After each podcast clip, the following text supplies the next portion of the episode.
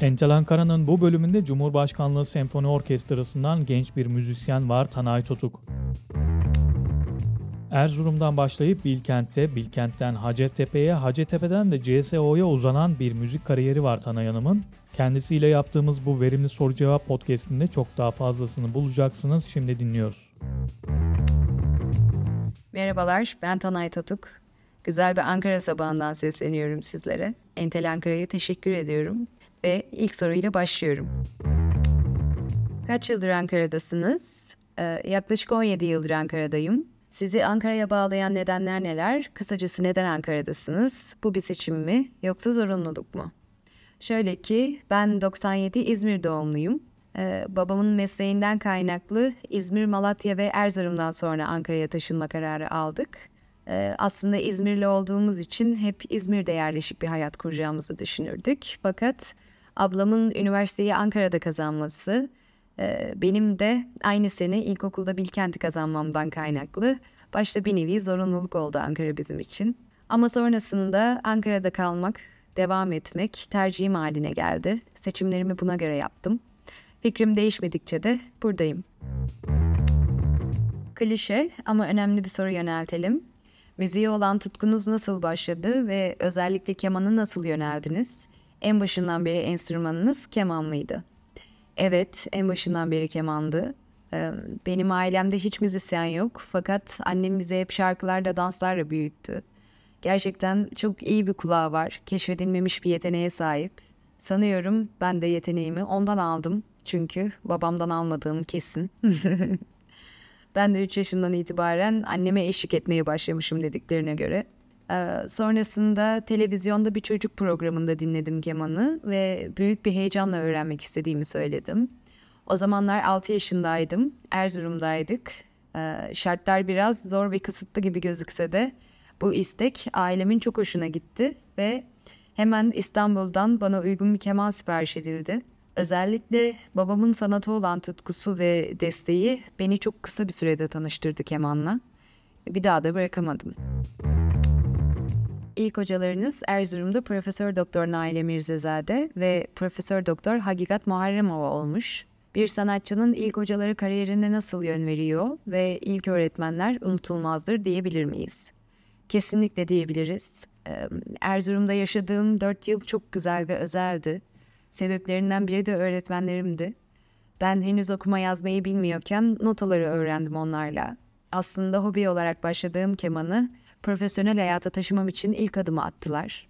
Erzurum'da kışın kar fırtınalarında bile annemi zorlayarak gittiğim düzenli ve birkaç yıl süren keman derslerimin sonunda konservatuara hazırlanmam ve Bilkent'in sınavına girmem için ailemle görüştüler.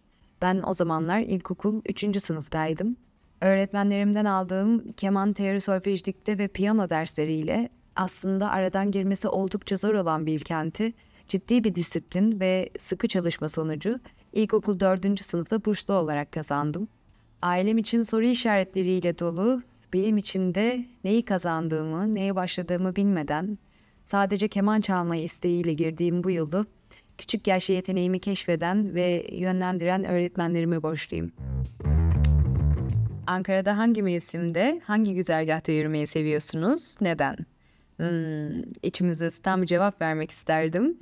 Fakat tek bir güzergah söyleyeceğim için Ankara'da kışın Beynam Ormanı'nda şort, askılı ve terlikle özellikle karda yürümek ne kadar zor olsa da çok keyifli oluyor benim için. Nedeni de soğuğun vücutta ve beyinde yarattığı pozitif değişim, ormanın tertemiz havası, e, tabii sonrasında giyinip sıcacık kahvemizi içerken oradaki köpekleri beslemek Ankara kışını özlememe bile sebep oluyor bazen. Tamamen boş bir gününüz var. Ankara ile baş başa kaldınız. Bu boş günde neler yapar, nerelere uğrar, günü ve hatta geceyi nasıl kapatırsınız? Ee, Ankara dışarıdan bakıldığında biraz kısıtlı bir şehir gibi gözüküyor galiba. Ya yani en azından bana birkaç böyle bir yorum geldi. Ama bence her şeyi sunuyor insanına. Ben genelde öncesinde ve sonrasındaki yoğunluğuma göre bir plan yapmayı seviyorum. Ee, hayvanlarımla evde vakit geçirip Tunalı'da bir kahve sonrası sporumu yapıp güzel bir yemekle ödüllendirebilirim kendimi. Aslında bu benim rutinim. Ee, çok da boş bir güne gerek yok bunun için. Ama Şehirden uzaklaşmak istersem de Beypazarı'ndaki gümüşçüler, e, Kızılcahamam'ın doğası, kaplacaları beni çok mutlu edebilir. Özellikle motorla gidiyorsak. Umuyorum daha iyi koşullarda herkes için adil, güzel günlerimiz olur. Böylelikle Ankara'nın da, Türkiye'nin de, dünyanın da tadını daha güzel çıkartabiliriz. Birçok şehirde, birçok salonda, birçok orkestra ile birlikte konserler verdiniz, vermeye de devam ediyorsunuz. Aklınıza yer eden orkestra ve şehirler hangileri oldu? Hangi salonlar sizi büyülemişti? Hmm, etkilendiğim çok şehir var tabii. Ee, Paris, Prag, e, Madrid, Venedik daha çok sayabilirim. Fakat beni en etkileyen şehir ve salon Viyana Müzik Verein oldu. Viyana benim gözümde sanatın şehirleşmiş hali gibi. E, Stap'ın meydanındaki gotik mimariye sahip muazzam katedrali, sarayları, Klimt'in tablolarıyla süslenen hediye dükkanları ve tabii ki Müzik Verein salonu. Türk Soyadı Orkestrası ile orada konser verme imkanım olduğu için çok şanslı hissediyorum. Cumhurbaşkanlığı Senfoni Orkestrası'na katılıncaya kadar birçok önemli kurumda eğitim alıp başarılı orkestralarda deneyim elde ettiniz. Doğuş Çocuk Senfoni Orkestrası bunlardan biriydi örneğin. Sizdeki yeri ayrı olan, kariyeriniz için dönüm noktası olarak gördüğünüz aşamalar hangileri oldu? Ee, tabii ki çok değerli hocalarla, şeflerle çok değerli orkestralarda çalma çalışma fırsatım oldu. Hepsinden çok şey öğrendim, deneyim kazandım, arkadaş kazandım. Fakat benim hayatımdaki dönüm noktası 22 yaşında DHB teşhisimin koyulması oldu. Ee, sakin bir yapıya sahip olduğum için insanların aklındaki hiperaktif birey modeline uymuyordum. O yüzden geç bir teşhis oldu bu. Ee, derslere çalışamamak, her şeyi son dakikada hazırlamak, insanları ikinci kelimelerinden sonra dinleyememek, okul ve sosyal ortamlarda beni oldukça zorladı. Ee, öğretmenlerimin gözünde tembel, arkadaşlarımın gözünde de umursamaz bir insan oldum ne kadar istemesem de. Ee, bu teşhisten sonra çok şey değişti doğal olarak. En önemlisi de kemana ayırdığım vakit ve çalışma kapasitem çok çok arttı. Dolayısıyla karşıma çıkan işlerden korkmamaya, kendime olan kızgınlıklarımı da bırakmaya başladım. Benim dönüm noktam bu. Cumhurbaşkanlığı Senfoni Orkestrası'na kabul haberini aldığınızda neler hissettiniz? Cumhurbaşkanlığı Senfoni Orkestrası sizin için neler ifade ediyor?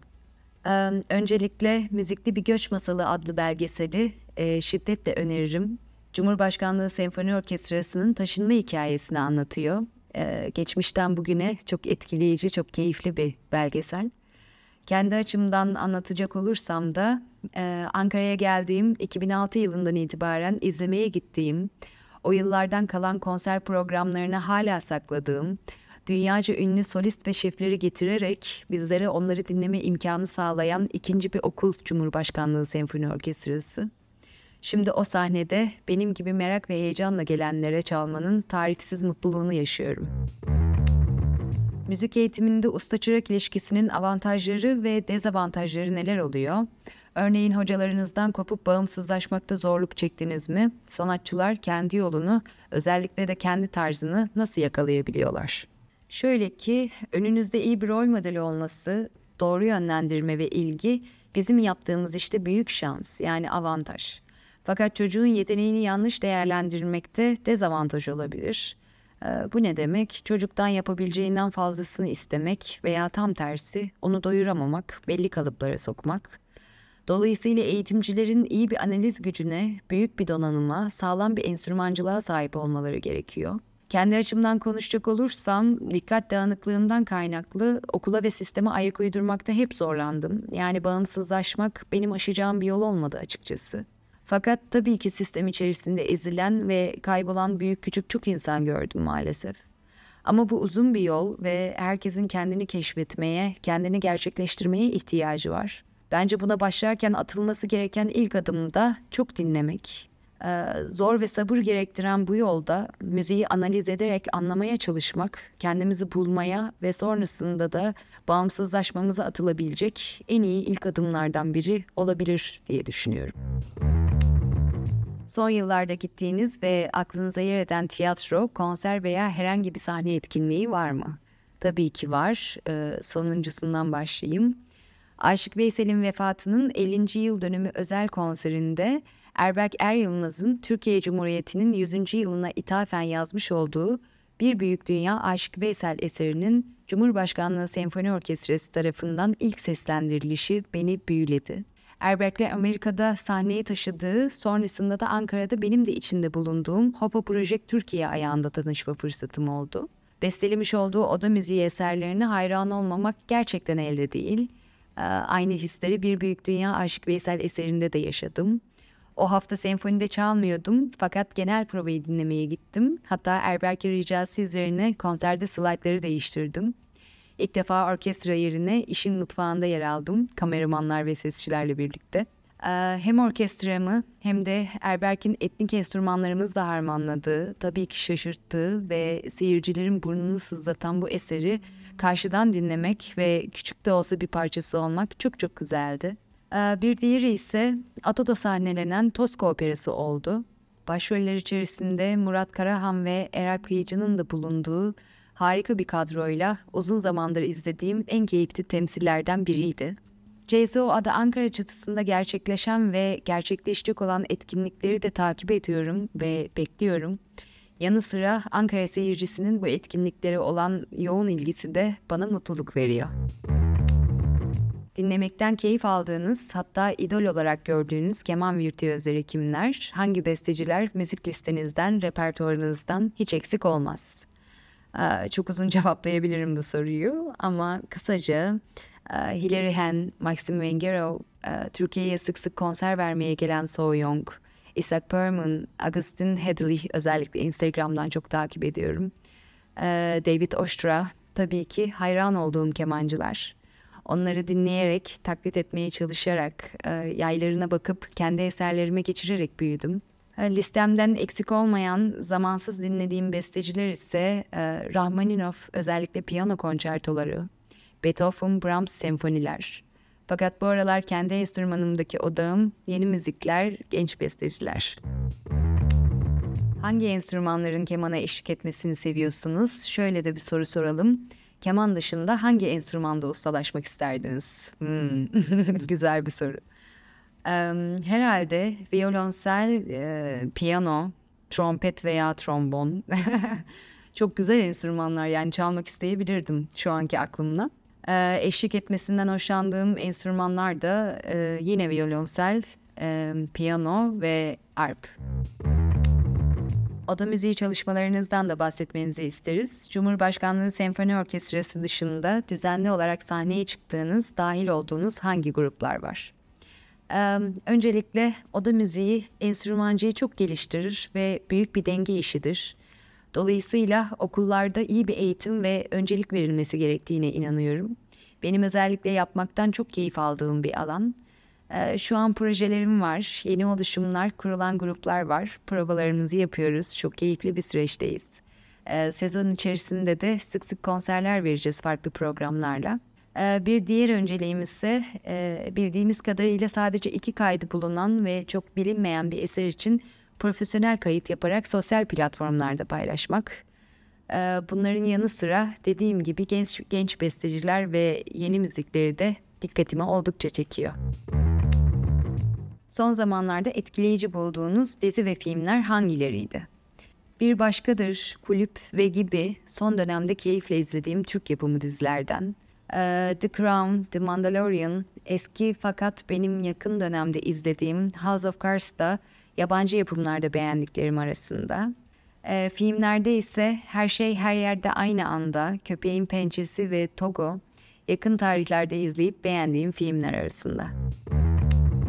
Aynı soruyu kitaplar için soralım. Nedenleriyle birlikte sizde iz bırakan kitapları öğrenebilir miyiz? Tabii ki seve seve. Ee, küçükken babamın kütüphanesinden almıştım Ayyam'ı. Ee, başta anlamadım. Fakat yaşım ilerledikçe anladım. Tekrar tekrar okudum. Ee, tabii ki ardından Nazım, Cemal Süreyya, Özdemir Asaflar geldi. Ee, bu sayısız şiir kitapları dışında beni en etkileyen kitaplardan biri Bir Delinin Hatıra Defteri oldu. Ee, Gogol'ün döneminde Rusya'da ciddi bir sansür durumu vardı ve Gogol bir deli üzerinden delinin sözleriyle hayatıyla anlattı bize sınıf ayrımını, insanlar arasındaki uçurumu. Ee, bu sıra dışı bakışıyla eserini sansüre uğramadan ulaştırdı aslında bilinçli okuyucuya. Bir diğer eseri Palto ise Rus ve dünya edebiyatına yeni bir bakış açısı kazandırarak dönemin en önemli eseri olarak nitelendirildi. Hatta Dostoyevski'nin çok güzel bir sözü vardır. Hepimiz Gogol'ün paltosundan çıktık diye. Ee, böylelikle Gogol'ü saygıyla anıyorum ve sıradaki kitaba geçiyorum. Ee, Sokrates'in öğrencisi ve dava esnasında orada olan Platon'un Sokrates'in ölümünden sonra yazdığı Sokrates'in Savunması kitabı. Ee, ölümden değil de haksızlıktan korkan Sokrates'in felsefesi ve hayata bakış açısı e, adeta bütün insanlık için ders niteliğinde. Ve son sözlerimi, tavsiyelerimi, önerilerimi, umut aşılayan aforizmalarımı almak istemişsiniz. Süslü cümleler kuramasam da içindeyken keyif aldığınız, size iyi gelen rutinlerinizin olmasını, merakınızı özenle korumanızı, sevgi, bilim ve sanatla kalmanızı diliyorum. Entel Ankara'ya bu güzel sorular için de çok teşekkür ediyorum. Hoşçakalın. Cumhurbaşkanlığı Senfoni Orkestrası'nın kemancılarından Tanay Totuk konuğumuz oldu. Çok teşekkür ediyorum kendisine katılımı için. Podcast'in başlarında CSO'nun yeni binasına taşınma sürecini anlatan bir belgesel tavsiye etti konuğumuz. Tekrar hatırlatayım bu belgeselin adı Müzikli Bir Göç Masalı. TRT yapımı olan bu belgesel ilginizi çektiyse bir göz atabilirsiniz. Şimdilik Entel Ankara'dan bu kadar diyelim. Görüşmek üzere.